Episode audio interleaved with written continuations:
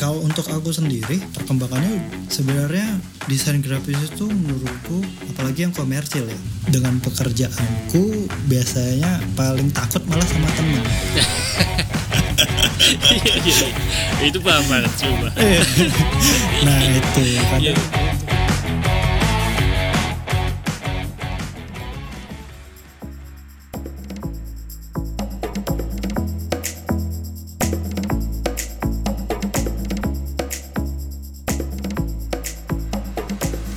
warga Plus 62, selamat datang di Plus 62 Coffee Discussion Forum. Bersama saya Ian, ini adalah episode keempat. Di hari Kamis ini, PJDF akan membahas topik-topik seputar self-development, content creation, dan perkembangan-perkembangan mengenai sosial media. Bicara soal content creation, tentunya kita akan sering dipasangkan dengan kemasan-kemasan visual yang menarik nih. So, maka dari itu, graphic design akan menjadi sebuah hal yang sangat matters. Desain yang menarik akan membawa sebuah konten, produk, bahkan sebuah brand ataupun corporate pada level yang berbeda nih. Melalui desain, kita dapat memvisualisasikan pesan yang ingin kita sampaikan kepada audiens ataupun calon customer. Bahkan beberapa brand atau corporate rela menggelontorkan miliaran rupiahnya untuk sebuah desain. Dan hari ini saya ditemani seorang bintang tamu nih, seorang graphic designer yang telah banyak berkontribusi untuk beberapa brand dan coffee shop ternama. So, kita akan kulik tentang serba-serbi dunia desain grafik dulu dan sekarang. Dan tentunya kita akan bedah gimana caranya meningkatkan value untuk karya-karya kita. So, sekarang kita udah kedatangan Mas Heru nih. Apa kabar, brother? halo mas halo semuanya Akhir-akhir ini lagi sibuk apa nih, Mas? akhir-akhir ini aku lagi sibuk ada satu kerjaan Hmm, yang netap itu berbasis platform online desain juga terus dengan sampingan-sampingan lainnya Oke oke. Eh, Lagi handle apa nih? Handle brand atau apa nih? Atau coffee shop atau apa nih biasanya? Eh, kalau yang kerjaan utama itu platform jadi dia kayak agensi online gitu Eh, Oke. cus- customernya eh, internasional jadi mungkin semacam Wow. teman-teman yang udah denger mungkin kayak semacam apa ya Traffic, Fiverr terus Oke. apa tapi ini sebenarnya kantor gitu kantor tapi Hmm, hmm. em, mereka punya klien punya sistem Oke. punya tim nah aku salah satu tim desainernya jadi mereka kayak jualan paket gitu Em, ya service lah Eh, jatuhnya semacam agensi atau home production ya gitu Oke. Berarti mm, Mas Heru ini ikut agensi ya, bukan freelancer ya? ya basicnya eh apa sekarang kesibukannya yang tetap itu Di ikut agensi itu ya. agensi itu Udah sampai udah sampai sejauh mana nih eh, apa namanya? eh, progresnya mungkin lagi ngerjain apa di situ di di agensi itu? Nah, jadi eh, karena aku sebagai tim desainer aja eh, yang ngurusin segala konsep atau ketemu klien itu udah ada timnya. Jadi aku sebenarnya jatuhnya ke eksekus eksekutor dikasih brief, dikasih tiap harinya itu dikasih brief eh, suruh ngerjain ini, suruh ngerjain itu. Jadi progresnya itu em, tiap hari beda-beda. Oke. Nah, jadi ada karena dia mereka yang datang itu per bulan, langganannya per bulan. Jadi harus memenuhi perusahaan mereka itu per bulan. Jadi mereka kadang-kadang butuhnya cuman ganti PDF doang, ganti teks doang atau bikin brosur atau bikin video kayak gitu. Jadi beda-beda. Oke. Rata-rata kliennya dari apa nih? Dari kalangan corporate atau apa nih biasanya? Tergantung zonanya. Eh, kan ada zona Eropa, Amerika sama Asia. Kalau Oke. Amerika itu lagi banyak eh, desain web. Jadi hanya di iya interface-nya aja. Kalau Interface. Iya, lalu kalau Eropa itu banyak mereka itu seringnya kayak brosur atau desain-desain semacam sosial sosial post gitu. Oke, berarti customer kliennya itu memang orang cari ke platform yang tempat Mas Heru sekarang ini atau atau gimana nih? Eh, Maksudnya cara pertemuannya, cara approach-nya itu gimana sih? Nah, eh, sebenarnya aku nggak tahu pasti, gimana ya. Hmm. Cuman eh, emang ada timnya yang mereka tuh bikin seminar di negara-negara terkait misalnya pindah-pindah. Kemarin tuh terakhir itu di Amerika, sebelumnya di Korea. Nah, kebetulan CEO-nya lagi di Bali sekarang. Kayak Oke. gitu. Jadi memang ada Hmm. ada jalurnya sepertinya eh, emang dari, dari seminar. Jadi CEO-nya tuh kabarnya memang sering bikin seminar gitu. Oke, sebenarnya enak enak mana nih mas? Ikut agensi atau freelance? Selama ini yang dirasain kayak apa? Eh, dua-duanya enak, dua-duanya nggak enak. Bedanya Gimana, gimana gak enaknya? ya tetap ada plus minusnya sih menurutku. Iya. Uh, karena kalau di agensi itu uh, uh, kalau di aku sendiri kalau anggap aja ini kantor ya anggap aja ini Iya. kantor ya salah satunya ya pasti gajinya tetap kayak gitu pasti setiap bulannya pasti Iya, iya. Uh, terus uh, effortnya jadi kalau misalnya freelance itu kita perlu cari klien terus ngurusin maintenance Iya. terus harus sampai Harus sampai brainstorming juga. Iya, sampai uh, Iya. finish lah kayak gitu. Kalau ini kan kita kalau aku di agensi itu semacam uh, jatuhnya di produksi aja. Ngurusin Oke. outputnya, Hmm. mau dibawa delivery ke mana itu kan udah ada timnya lagi. Mm-mm. Gitu. Berarti Enaknya yang gitu nggak nggak terlalu kayak A sampai Z-nya kita urusin semua ya, karena emang ada udah ada timnya sendiri, kita tinggal eksekusi, tinggal fokus ke desainnya kayak apa itu kan ya. Iya benar. Lainnya paling ya kalau freelance mungkin bisa ngatur jam suka-suka. Bukan bukan suka-suka sih, maksudnya lebih flek, jauh lebih fleksibel ya.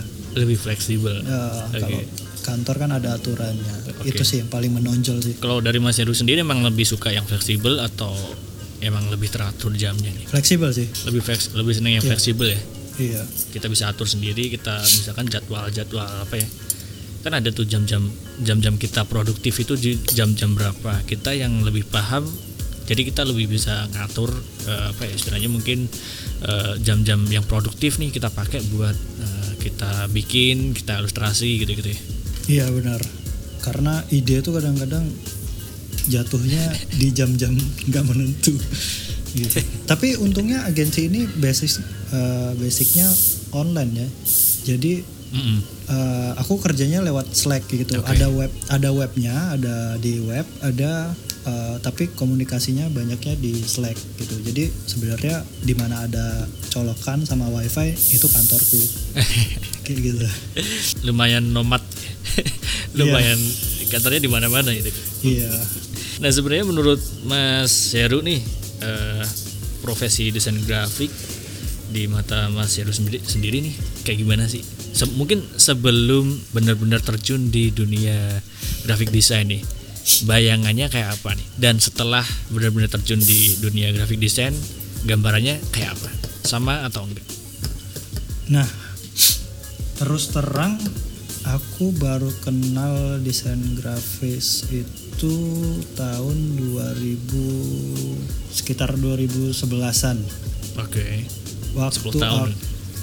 Iya, waktu aku kuliah kayak Oke. gitu. Karena dulu basicnya aku sebenarnya manual. Jadi aku ngelukis manual gitu, ilustrasi, oke bagiku kan eh, desain grafis itu digital ya, di, Iya. lebih ke digitalisasi. Nah, jadi emang beda sih. Aku malah nggak kepikiran kalau akhirnya aku tertarik mendalami eh, lebih ke desain grafis. Karena pikiranku dulu aku tuh seni murni. ya Nah, bagiku seni desain grafis itu kan seni terapan ya, yang udah ada Oke. digabung-gabung jadilah satu output. Itulah sederhananya menurutku.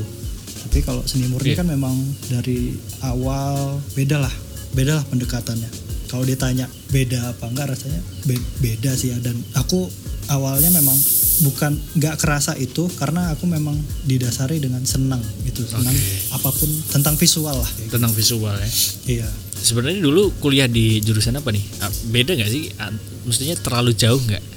Sekarang apa namanya kerjaan sekarang sama kuliah waktu itu? Nah, beruntungnya aku aku masuk di jurusan yang aku senengin DKV. Oh, DKV. Dulu aku iya aku Oke. MSD angkatan 2010. Oh MSD. Iya kan di situ desain komunikasi visual. Jurusannya cuma satu. Berarti start dari 2011 ya, udah udah 10 tahun nih. Mengenalnya segitu. Eh, aplikasi yang pertama yang dipakai, eh, istilahnya yang bikin tertarik apa nih? Corel eh, Corel Draw. Corel ya. iya. Dulu aku- Sekarang masih pakai Corel? sekarang enggak udah makan mungkin udah nggak bisa udah bukan maksudnya kagol lah kagol Iya. Iya, lebih ke AI mungkin sekarang ya. iya Adobe lah keluar Adobe Adobe ya. Adobe. ya Nah, menurut Mas Heru nih, sepenting apa nih peran dari seorang graphic designer, terutama kayak sebuah brand? wah ini menarik ini Em, sepenting apa peran desainer grafis terhadap Hmm. satu brand ya bagiku eh, itu sat- salah satu unit paling penting sih selain marketing dan lain-lainnya ya Oke. itu kayak dapur dapur pacunya sih menurutku sebesar apa pun ide satu brand tanpa visualisasi yang Hmm, betul. tepat ba- eh, bukan bukan hanya bagus ya mungkin lebih menurutku tepat sih. Tepat itu mer- berarti rumusnya udah masuk lah semua. Bagus menarik dan lain-lain. Jadi menurutku ya sebesar, eh, sebesar apa pun ide itu tapi dengan visual yang tidak tepat eh, brand itu nggak bakal jadi paling nggak apa yang mereka mau lah. Kayak gitu Oke. menurutku. Karena emang apa ya, mungkin eh, first impression semua orang terhadap se- sebuah brand ya logo gitu di mana pun mereka mengenal apa ya mengenal sebuah brand ya emang dari logonya gitu Ya. dari logo kita bisa tahu nih eh, mungkin message apa yang benar dari brand tersebut kita sampaikan nah dari segi sudut pandang kayak gitu graphic design benar-benar berperan penting gitu ya untuk Iya. untuk membangun dan menyampaikan message sesuai dari apa ya campaign yang dibangun oleh si brand kayak si brand tersebut kan. setuju setuju banget Nah, sekian tahun nih berkecimpung di industri graphic design. Kalau kita ngomongin perkembangannya dari zaman ke zaman nih, dulu dan sekarang yang Mas Heru amatin nih sekarang kayak apa sih? perkembangannya Dari ya? yang zaman dulu nih. Jujur kalau untuk aku sendiri perkembangannya sebenarnya desain grafis itu menurutku apalagi yang komersil ya itu itu mengulang sih Oh, mengulang berarti bentuknya circle ya? iya uh, tapi de- biasanya dengan dengan elemen atau tambahan atau pop up yang lebih fresh kayak gitu tapi Oke. sebenarnya dasarnya da- menurutku dasar desain itu sudah terulang-ulang-ulang-ulang kayak gitu kayak gitu. Uh, mungkin uh, penjelasannya kayak gini. Menurutku uh, kadang dulu itu sempat uh, desain itu flat aja. Terus ada yang monokrom aja atau rame. Terus maksudku ini sesi ini tuh berulang ditinggalkan berulang ditinggalkan. Menurutku circle-nya kayak gitu sih tinggal dan semakin karena semakin kalau bicara sekarang semakin banyaknya menurutku semakin banyak konten uh, desainer dan semakin banyak ide ide-ide yang terciptakan menurutku semakin banyak pelaku desain pelakunya desainer sendiri ini memunculkan ide-ide ide-ide baru Oke. Sentuhan-sentuhan yang baru ya? iya sentuhan-sentuhan mereka akhirnya dapat referensi dari mana atau berdasarkan tes dan pengalaman mereka akhirnya jadi tidak ada yang tidak ada yang baru tapi Hmm. dipadukan menjadi lebih fresh kayak gitu sih Oke, sekarang. berarti berarti lebih ke adaptasi ya. Jadi jadi memang nggak ada apa ya tren yang terus menerus, cuman lebih ke bentuk circle ya. iya Dan itu nanti muter terus, kemudian ada beberapa elemen yang membuat si tren itu semakin fresh terus gitu. iya bahkan menurutku Hmm. menurutku eh, dari dari sudut pandangku nggak ada tren yang nggak ada tren grafis yang terlalu menonjol sekarang jadi Sekarang. Eh, Oke. Iya, jadi maksudku tergantung market atau tergantung dari komunitas mana atau dari habit mana desain ini muncul gitu loh.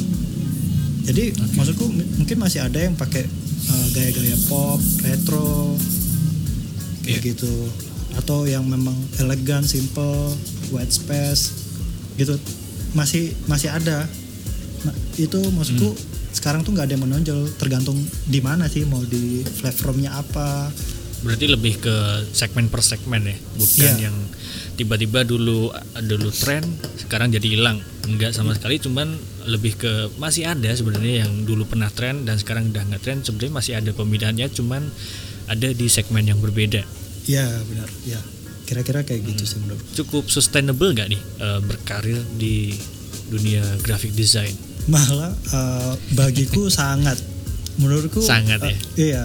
Ini masih bakal kayak 10 tahun lagi sangat menjanjikan gitu. Ba- bahkan bukan bu- kalau 10 tahun tuh mungkin terlalu ini ya nggak terlalu singkat menurutku karena dari perkem- Oh, gitu. eh, desain grafis itu menurutku akhirnya bisa masuk ke segala lini terutama eh, pemasaran ya bahkan itu digital at- eh, maksudku bahkan itu fisik apa non fisik kayak gitu Adakah kemungkinan pemainnya makin banyak?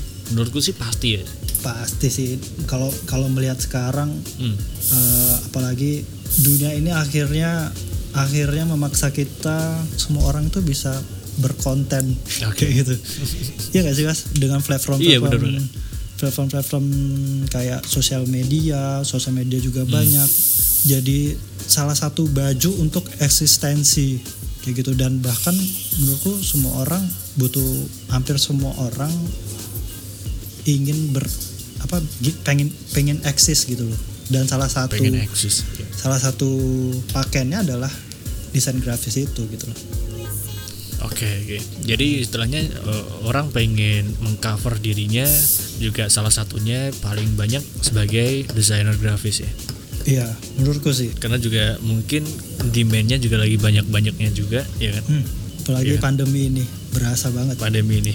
iya Bertambahnya pemain berdampak baik atau buruk nih sebenarnya. nah aku kalau aku menurutku ya eh, itu aku nggak berani bilang ini baik apa buruk Em, Oke. akhirnya itu pa- balik pada kalau secara personal itu individunya kalau lebih banyak itu tergantung komunitasnya gitu loh komunitas di sini maksudku Hmm. adalah karena memang banyak juga karya itu dilahirkan eh, diproduksi itu juga bermacam-macam kayak gitu loh Iya. baiknya menurutku adalah akhirnya kita punya banyak bahkan pemain lama ah, eh, orang-orang yang sudah duluan itu jadi Iya. punya pandangan kayak gitu oh pergerakannya sekarang ini Iya. Oh, anak-anak- Referensi-referensi baru. iya eh, oh ternyata anak-anak sekarang arahnya ke sini-sini nih Arahnya ke sini. Oke. iya oh lebih Berarti ke sini. justru justru ada keuntungannya juga ya Iya, untuk aku- menambah uh, mungkin uh, oh tren pasar sekarang tuh arahnya ke sini gitu. Enggak yang sama sekali oh yaudah nih berarti banyak pemain kita jadi apa ya? Jadi benar-benar negatif gitu arahnya gitu. ya itu kayak menurutku kayak dibagi sih mas dasar pemikirannya jadi kalau misalnya sebagai sebagai profesi itu menurutku sangat menguntungkan bagiku sendiri Oke. aku jadi tahu gini bagi kadang kan kita tuh karena kita tuh nggak bisa dapat input dari satu satu platform ya. Maksudnya satu sumber. Iya. kadang-kadang mereka-mereka ini pemain-pemain baru ini yang memberi input banyak malah. Kayak gitu. Nah, dan jadi kita juga oh bisa kasih pandangan. Tapi kalau secara pasar ya sebenarnya itu tinggal nanti pembahasannya menurutku tinggal di karakter sih. Oke, tetap berdasarkan value masing-masing ya. iya benar. Menurutku kayak gitu. Nah, bicara soal karir nih, semua profesi pasti punya pengalamannya masing-masing nih kan. Graphic designer juga tentunya punya ceritanya sendiri. Nah, nih Mas Heru nih, ada nggak nih pengalaman-pengalaman yang istilahnya handling klien paling memorable gitu, yang mungkin dari yang nggak nggak dulu deh apa nih kira-kiranya, yang nggak enak nggak enak dulu gitu. oh aduh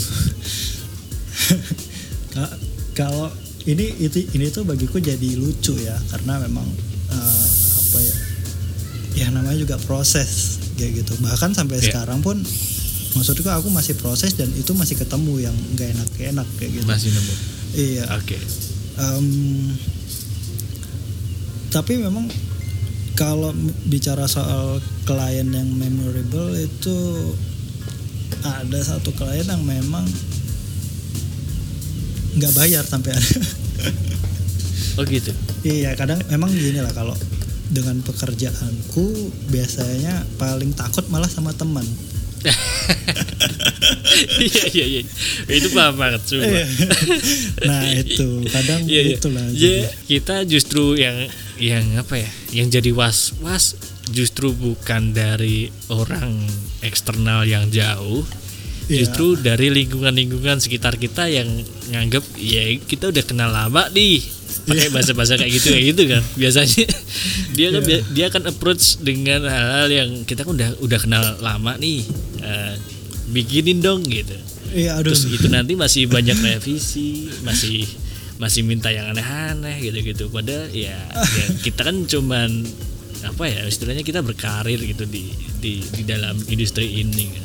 Ya bisa Iya. aja kita kasih gratis cuman ya lihat dulu effortnya juga nggak harus sebanding dengan yang bayar mungkin sorry ya. Iya, aduh itu saya sorry sih buat teman-teman tapi bukan kalau teman-teman yang mendengar tapi maksud saya em, memang kadang kadang kalau secara pribadi aku berpikir aku tuh lebih baik nyari klien yang di luar circle circleku atau maksudnya paling enggak eh. nggak kenal atau minimal dia tuh memang profesional sih. Tapi kan memang banyak Iya. teman ini akhirnya ya udah sih teman. Kayak gitu itu uh, berarti secara umum sih uh, secara general memang aku tuh ag- agak khawatir soal teman itu adalah klien kayak gitu. Nah barulah masuk ke sub ya request request dan pembayaran yang bla bla bla. Masih ditawar juga ya kan? Iya. Desain desain grafis eh, tapi dianggap desain gratis ya. nah itu itu ya Nah, eh, ada nggak yang dari klien yang memang bukan dari teman nih, bukan dari bukan dari golongan teman dan dia punya request yang aneh-aneh. Paling aneh nih apa nih? Ada selama ini? Sebentar, paling aneh ya. Aku tuh biasanya menemukan begini, misalnya contoh nih, aku pernah dapat klien, dia bilang gini, tolong bikinin aku browser dong, gitu. Terus Oke. eh, biasanya aku tanya, bapak itu anggap aja di eh, mas lah mas, Iya. mas punya referensi terdekat nggak?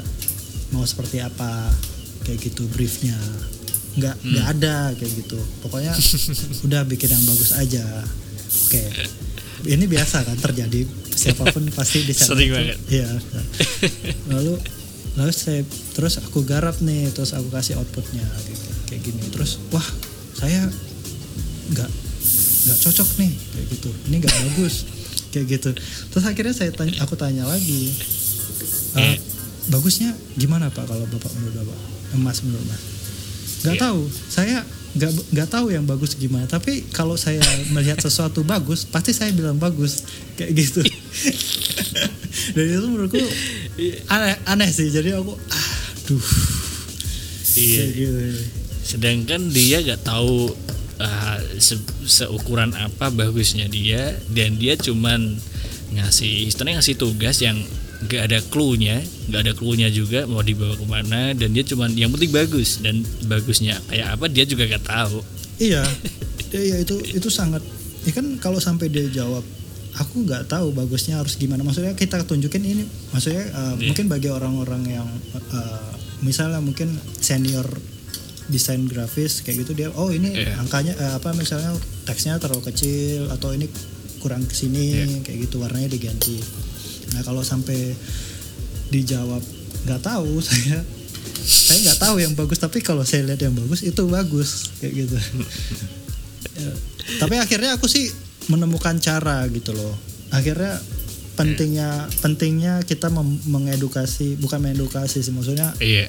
bagiku tuh aku udah aku ketika dia minta aku referensiin kayak gitu oh ini ini browser yang bagus tuh gini ya bisa cari aja di Google di Pinterest atau di mana aja nih kayak gini bapak Oke. mau yang gimana lebih suka yang mana kayak gitu sekarang kayak gitu sih itu sih Oke, yang menurutku ketik- paling aneh sih Hmm. Mhm. Berarti ketika apa ya dari dari segi kliennya sendiri minim pengetahuan soal desain nih terutama eh, soal yang bagusnya kayak apa kita justru kasih beberapa pilihan ya. Jadi opsinya adalah ya memang kita harus eh, kasih tahu nih beberapa istilahnya contoh gitu kan contoh ini ada ada beberapa ada tiga nih ada tiga model nih ada tiga desain pilih yang mana yang menurut bapak bagus misalnya istilahnya kayak gitu ya Iya, dan ini mungkin eh, bagi teman-teman yang dengar ini masukan maksudnya ini dari ini cara saya yang paling efektif sih. Jadi efektif penting dan kamu eh, dan kita tuh juga penting maksudnya eh, percaya kalau sama tes kita itu loh. Oh ini ini menurutku saya bagus, ini bisa diajukan kayak gitu. Jadi mereka juga bisa bisa tahu oh bagusmu tuh segini gitu loh, bagusmu segini. Gitu. Hmm. Nah, ada nggak yang yang menurut Mas Heru nih paling challenging selama ini? Paling Ini arahnya ke positif, yang paling Oh. challenging, yang paling menantang. Dan sebenarnya ini seru gitu, maksudnya dianggap Mas Heru, oh ini seru nih, ini greget nih, gitu. kalau oke Em, seru aku paling seru itu sebut merek boleh gak sih Boleh banget. oh boleh banget ya bener banget Eh, kalau mungkin Mas Ian tahu kemarin aku tuh paling merasa dan positif Eh, tapi aku awalnya ngerasanya ini tuh oh aku bisa all in nih di sini waktu Iya. aku ngerjain sosial medianya Lensa Jogja Lensa Jogja, oke. Iya, Iya, itu itu sebenarnya eh, walaupun nggak semua, tapi rata-rata itu tuh aku banget gitu loh. Yang desainnya tuh Oke. nunjukin kalau aku tuh eh, karakter Sukanya di situ. Iya di situ, Hmm. kayak gitu loh. Gaya-gayaku tuh kayak gitu. Oke. Dan positifnya lagi bahwa eh, ownernya juga akhirnya mengamini. Gitu. Oke, berarti dia juga cukup apa ya, cukup ngasih kelegaan ya. awalnya maksudnya ada beberapa masukan oh ini kurang gini menurutku kurang gini terus aku jadiin bahan jadiin revisi akhirnya eh, lensa Jogja itu seingatku tuh aku dua kali ngasih konsep kayak gitu Oke. kan itu kalau misalnya lihat fitnya itu dia tuh kan warna gradasi warna Gradasi warna. Iya gradasi warna. Jadi em, memang Mas Denny sendiri, Mas Denny itu yang ownernya, apa ya memberikan keleluasaan supaya Kebebasan. kamu- ah, kebebasan mau gimana gitu. Kamu mau gimana coba. Terus aku approve itu dua kali sih. Dan yang kedua itu baru Hmm. oke gas. Nah terus akhirnya ya itu konten-kontennya aku aku pikir wah udahlah aku bakat lah ini. Oke. Itu seberapa lama nih eh, dalam kurun waktu berapa minggu atau bulan mungkin ketika kitanya nyampein konsep dan owner approve gitu.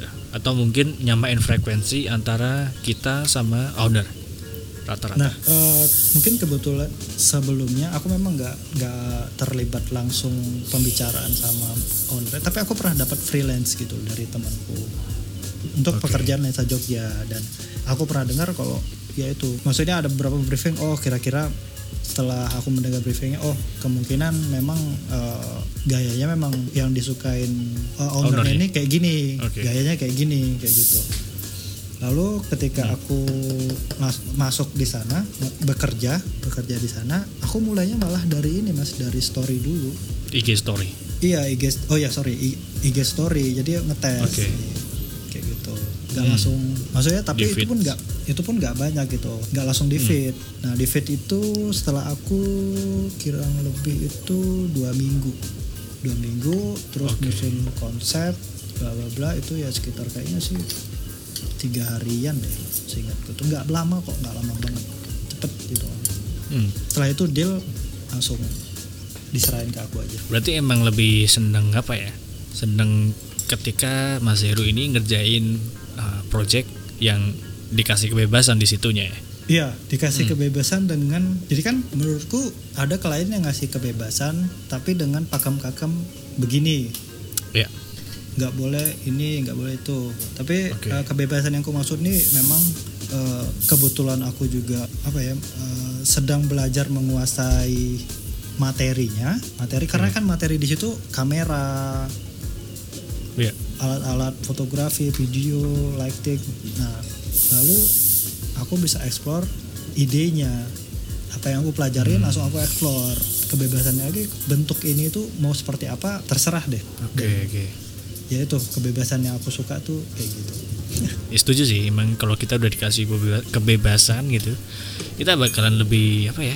Lebih seneng aja gitu ngejalannya. Kita bisa explore sana sini Iya. dengan walaupun dengan tetap dengan koridor yang apa ya, yang dia tetapin yang dari awal briefnya seperti apa gitu.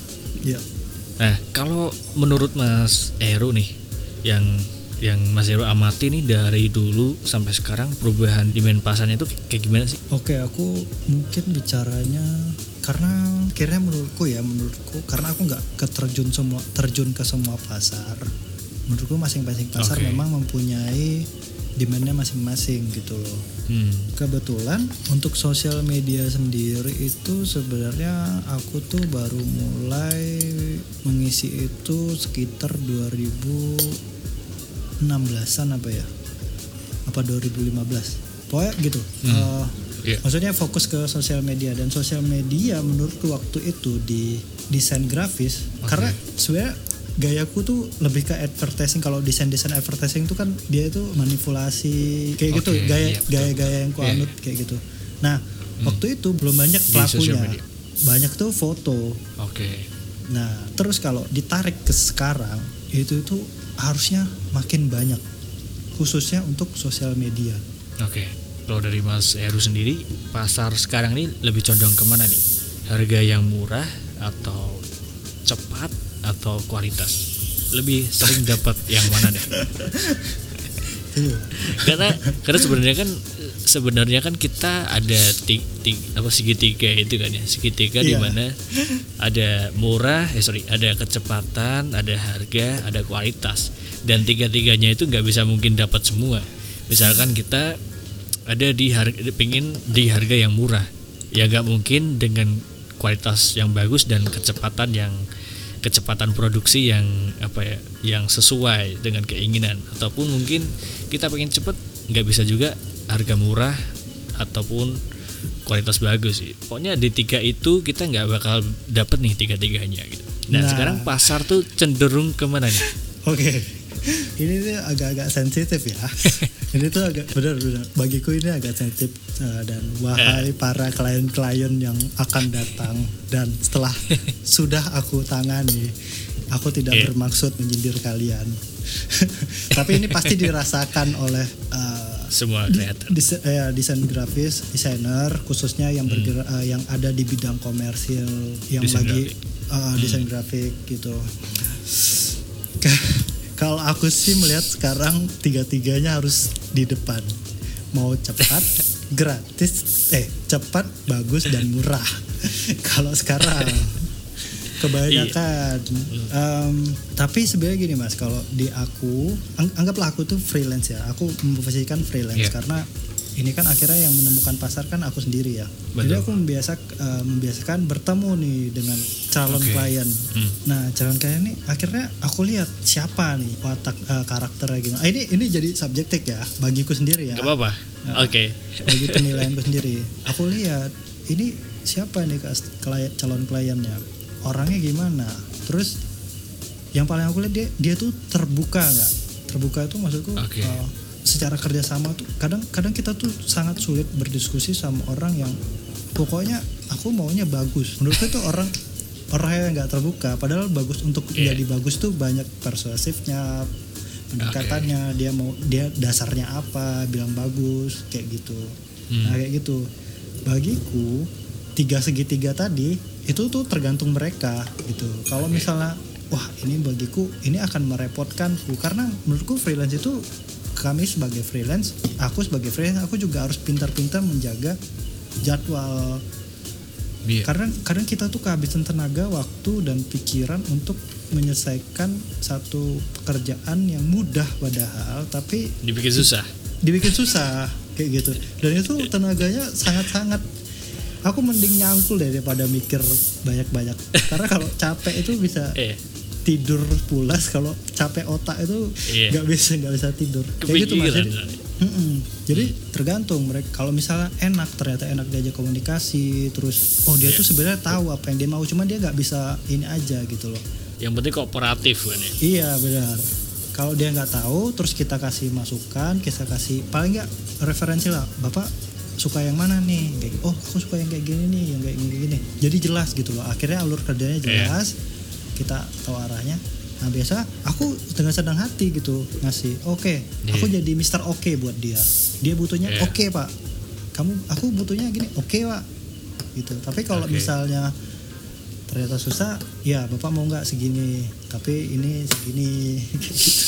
dipakai itu rumus itu akhirnya Kalau dari Mas Heru sendiri nih, dari tiga variabel tadi, harga murah, cepat, ataupun kualitas yang oke nih, lebih lebih seneng ngerjain yang mana? kalau dari pribadi di luar di luar masalah-masalah tadi ya aku eh, lebih baik kualitas Kualitas ya. bagiku kualitas karena prinsipku kadang kita itu kalau desainer itu karyaku khususnya karyaku itu tuh kepake atau aplikatif banget atau mer- kas- eh, customer puas dan Iya. dan terpakai lah gitu uang tuh jadi nomor lima gitu Oke, karena juga jadi portofolio kita ya. Nah, ketika ketika kita emang dapat nih ya, ide bagus dan outputnya outputnya juga bagus, itu bakalan bakalan jadi ya portofolio kita. Jadi orang Iya. bakalan lihat hasil-hasil kita yang lama juga gitu. Kepuasannya tuh beda sih Berarti lebih ke kualitas ya. Kita lebih menurutku- Mas Heru lebih seneng ngerjain sesuatu yang memang emang bagus sekalian gitu.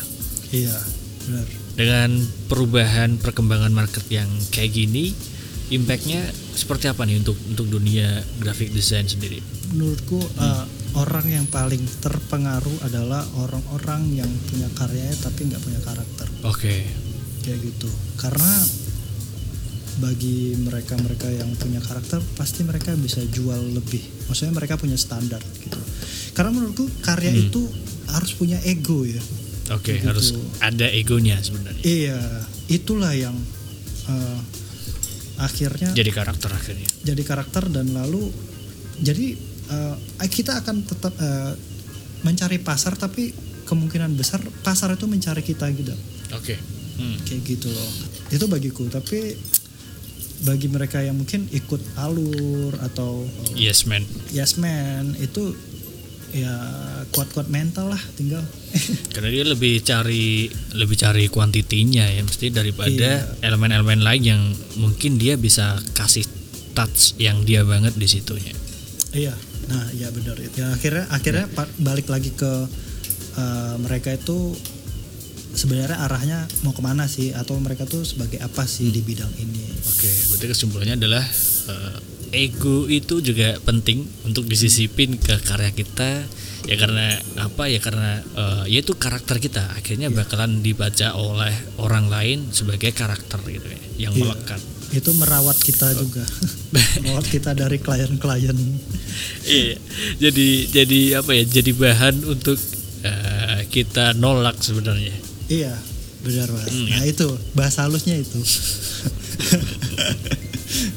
Nah, kalau kalau kita ibaratkan nih market itu kan kayak sebuah lapangan bola ya kan. Yang sekarang makin banyak pemain yang join di situ juga. Dan semua orang tentu pengen banget nih dapat bolanya kan. Nah, Iya. pilihannya adalah ngerebut bola ataupun dapat umpan. Nah, menurut Mas Heru nih di dunia graphic design cara paling baik yang baiknya kita pakai nih dapat bolanya itu kayak gimana?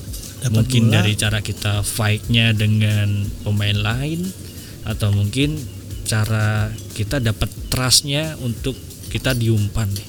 Kita dikasih bola nih. Oke, kalau aku sih merasanya begini, pendekatannya akhirnya eh, kalau tutur bola itu menurutku dari hal yang kompleks selalu jadi ini ya, em, jadi sederhana.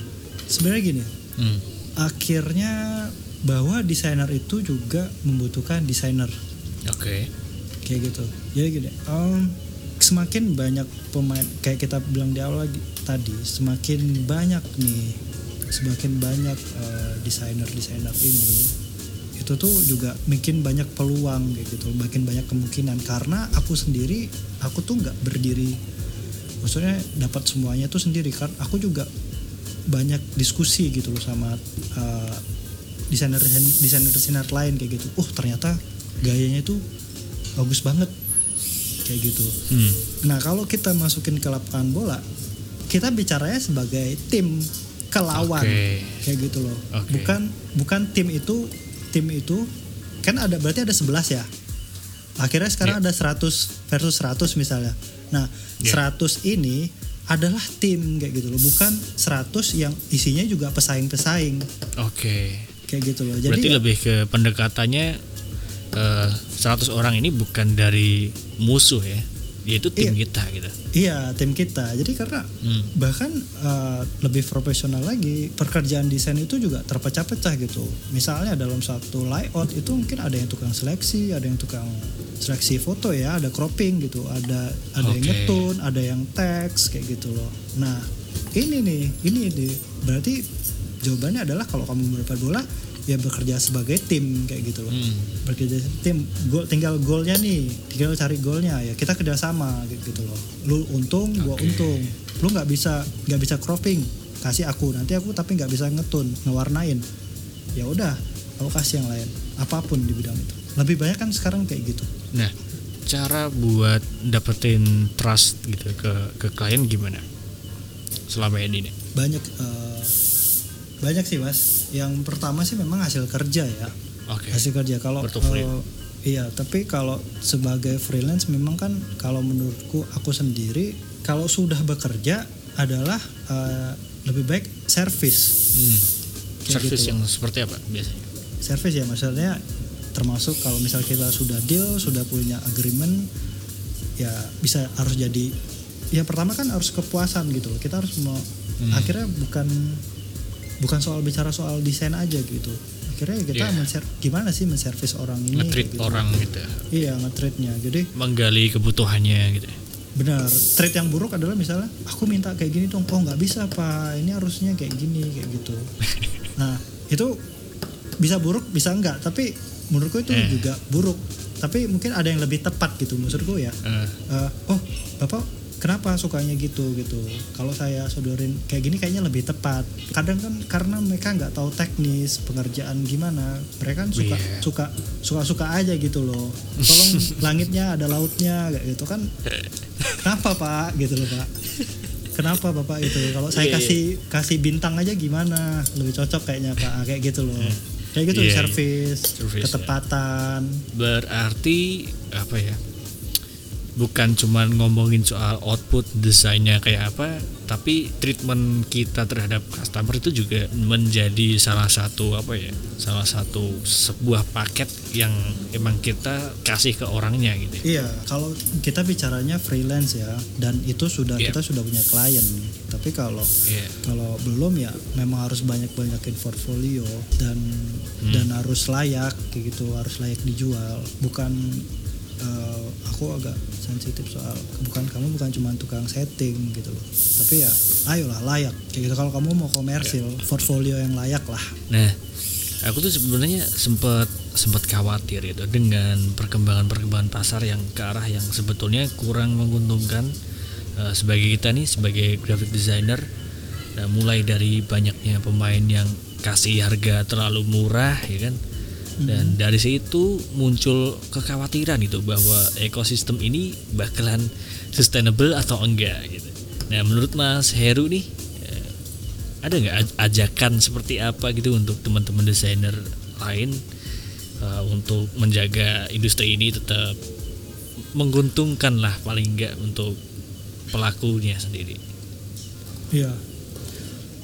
ini tuh ini ya pembahasan yang maksudnya sebenarnya udah isu isu ini tuh udah mungkin udah terjadi dari dulu kayak gitu. Hmm. Eh, tapi memang menurutku mungkin ancaman yang bukan ancaman sih, maksudnya fasilitas yang paling bisa jadi counter sebuah harga itu termasuk eh, adalah aplikasi Template. eh, instan Hmm. untuk desain ya. Mungkin contoh contoh aja mungkin kayak Canva Canva. Uh, atau yang lain yang lebih kayak aku ngeliat di sponsornya Instagram tuh ada orang cropping background sekarang udah bisa pakai satu kali klik kayak gitu padahal dulu desainer harus pakai pen atau pakai magic tuh magic wand Basic tool. ya. uh, kayak gitu Super-super pakai lasso ya. Pakai lasso Nah, kalau sekarang udah ada yang tinggal satu klik kayak gitu. Nah, menurutku uh, ekosistem itu aku belum belum tahu ya itu akan rusak apa enggak gitu. Tapi menurutku gini, desain grafis itu akan menemukan lahannya, Oke. akan menemukan lahannya dengan kemampuannya sendiri, gitu loh. Seberapa Oke. seberapa kemampuanmu, kamu akan menemukan gitu loh. Oke. kayak gitu. malah malah yang lucunya menurutku eh, dengan level misalnya anggaplah ada jago, desainer jago itu mereka maksudnya pekerjaannya DI dan bagus banget lah kayak gitu tapi mereka bisa turun ke turun ke pasar yang levelnya masih medium apa entry kayak gitu Ya. Nah, maksudku adalah pasti mereka desainer ini akan menemukan gitu loh, menemukan pasarnya sendiri dan ekosistem itu akan udah akan begitulah. Ya paling ombak-ombak dikit dan yang paling berpengaruh adalah gimana eh, untuk untuk freelance ya. Untuk freelance itu ya itu Oke. yang belum aku belum belum merasakan efeknya terlalu besar ya efeknya belum terlalu Hmm. besar tapi aplikasi-aplikasi instan ini itu tuh emang jadi kayak counter Iya. termasuk harga Termasuk jelas banget soalnya dia ngaruhnya ke harga iya, Iya. harga market sekarang gitu. iya Karena aku lihat ada beberapa yang dia memberikan jasa apa ya sosial media handling gitu dengan harga yang di bawah rata-rata itu 400 ribu cuy. Ada tuh sebulan berapa ratus harganya nggak masuk akal? Ya itu kalau kita hitung misalnya istilahnya mungkin HPP yang dia keluarkan kan. Dia nggak bayar eh, Photoshop langganan pasti ya kan? Dia nggak bayar Adobe Illustrator pasti ya kan? Dan dia mesti bi- bisa dapat harga segitu ya dengan aplikasi-aplikasi yang istilahnya yang nggak mengeluarkan budget terlalu besar juga bu- buat dia gitu. Udah Iya. gitu udah gitu instan gitu tinggal plug and play ya kan? Nah. Dan dan pasar menyambut hal kayak gitu dengan gembira pasti. Karena mereka tidak tahu. Jadi sebenarnya gini mas. Menurutku ya kalau kita pindah pindah kacamata deh. Kalau dari kacamata Iya. bisnis sebenarnya emang sah sah aja ya. Sangat menguntungkan. Iya terobosan paling luar biasa itu. Iya. Tapi inilah yang yang mungkin ekosistem itu sih. Maksudnya ada eh, para para desainer instan.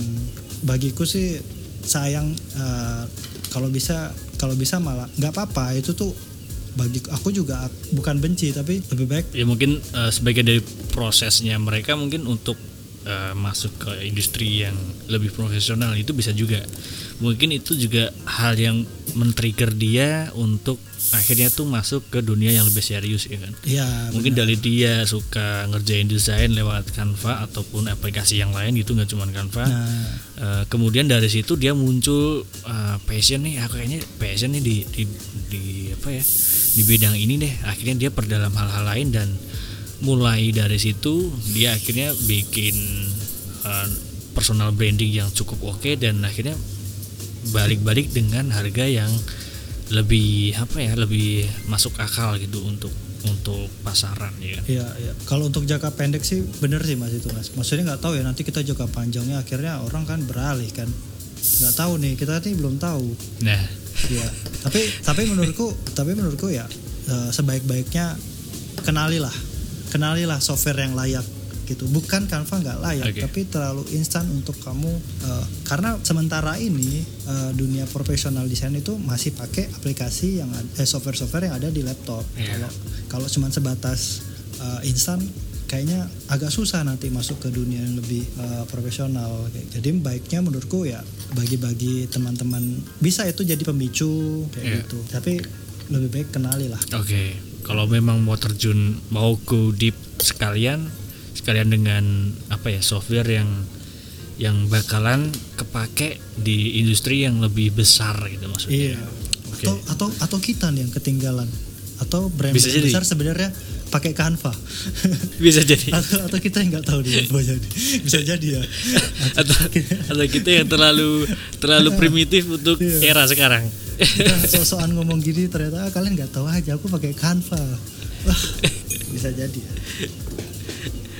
Closing statement mungkin apa dari Mas Heru untuk teman-teman desainer grafis baik pemula ataupun eh, yang udah terjun lama nih gitu. Aku basic eh, ini ya apa namanya? Basic eh, by pengalamanku aja ya. Jadi Oke. karena aku dasarnya adalah komersil, budak klien lah harusnya kasarnya gitu. Tapi kalau perkembangan desain grafis itu udah ngeluas banget dan nggak ada yang lebih menonjol menurutku stylenya. Selama kamu eh, sama selama kita bisa mengikuti trennya, yang paling penting adalah harus punya ego dalam situ Oke. gitu bahwa karakter itu itu tuh sangat membantu gitu loh kalau misalnya cara cara untuk mendapatkan karakter ya memang benar mas harus generalis mas Oke. Eh, generalis itu maksudnya mungkin teman-teman yang baru gabung tuh ya udah kerjain aja pokoknya selama lu senang bonusnya dapat uang kerjain kayak gitu harus punya minat sih Betul. Ada ambisi juga. Jadi sampai iya sampai akhirnya kita dapat sebuah hal yang cocok. Nah, yaudah di situ kita go deep ya. iya hentikan mencari uang saat belajar Oke, siap. harus eh, maksudnya harus saat belajar itu harus senang. Karena kalau senang eksplornya tinggi. Oke, berarti emang semua desainer akan menemukan pasarnya sendiri.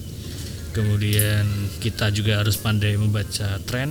Dan tren itu sebenarnya adalah bentuknya circle dan tinggal apa ya istilahnya mungkin ad- ada ada tambahan adaptasi dari elemen-elemen yang baru juga. Dan kita juga harus sisipin ego kita nih eh, Ya. untuk apa ya orang lebih kenal sosok kita dan personal branding kita gitu Ya. yang akan dibaca orang sebagai karakter ya Benar. Itu eh, satu lagi tambahan pen- eh, kita juga harus mampu mem- sebelum kita ketemu klien ya kita harus juga mampu membranding diri kita. Betul. Sama kalau kalau pada bingung caranya gimana ya branding lah Instagrammu. betul. Instagram itu juga salah satu apa ya Instagram itu juga salah satu portofolio yang yang gratis ya sebenarnya Iya. dan sekarang banyak banget orang menjadikan Instagram itu bukan cuman apa ya sosial media yang untuk berbagi foto doang mereka bisa share portofolio juga di sana Nah, bisa iya. share entah itu dari visual entah itu tulisan macem-macem gitu jangan cuman nganggap Instagram itu cuman buat asik-asikan doang gitu Ya, betul, benar sekali. Sip. Setuju saya.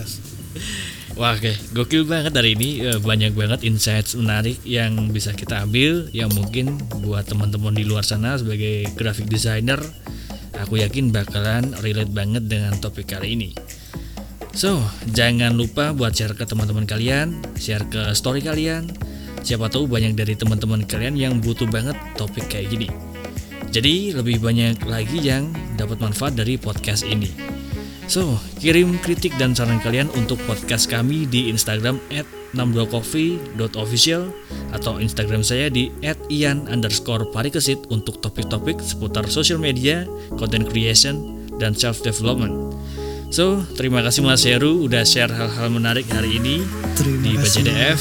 Thank you banget udah uh, ngelegain waktu. Sehat selalu pokoknya. Sehat selalu juga Mas. Sekian episode kali ini.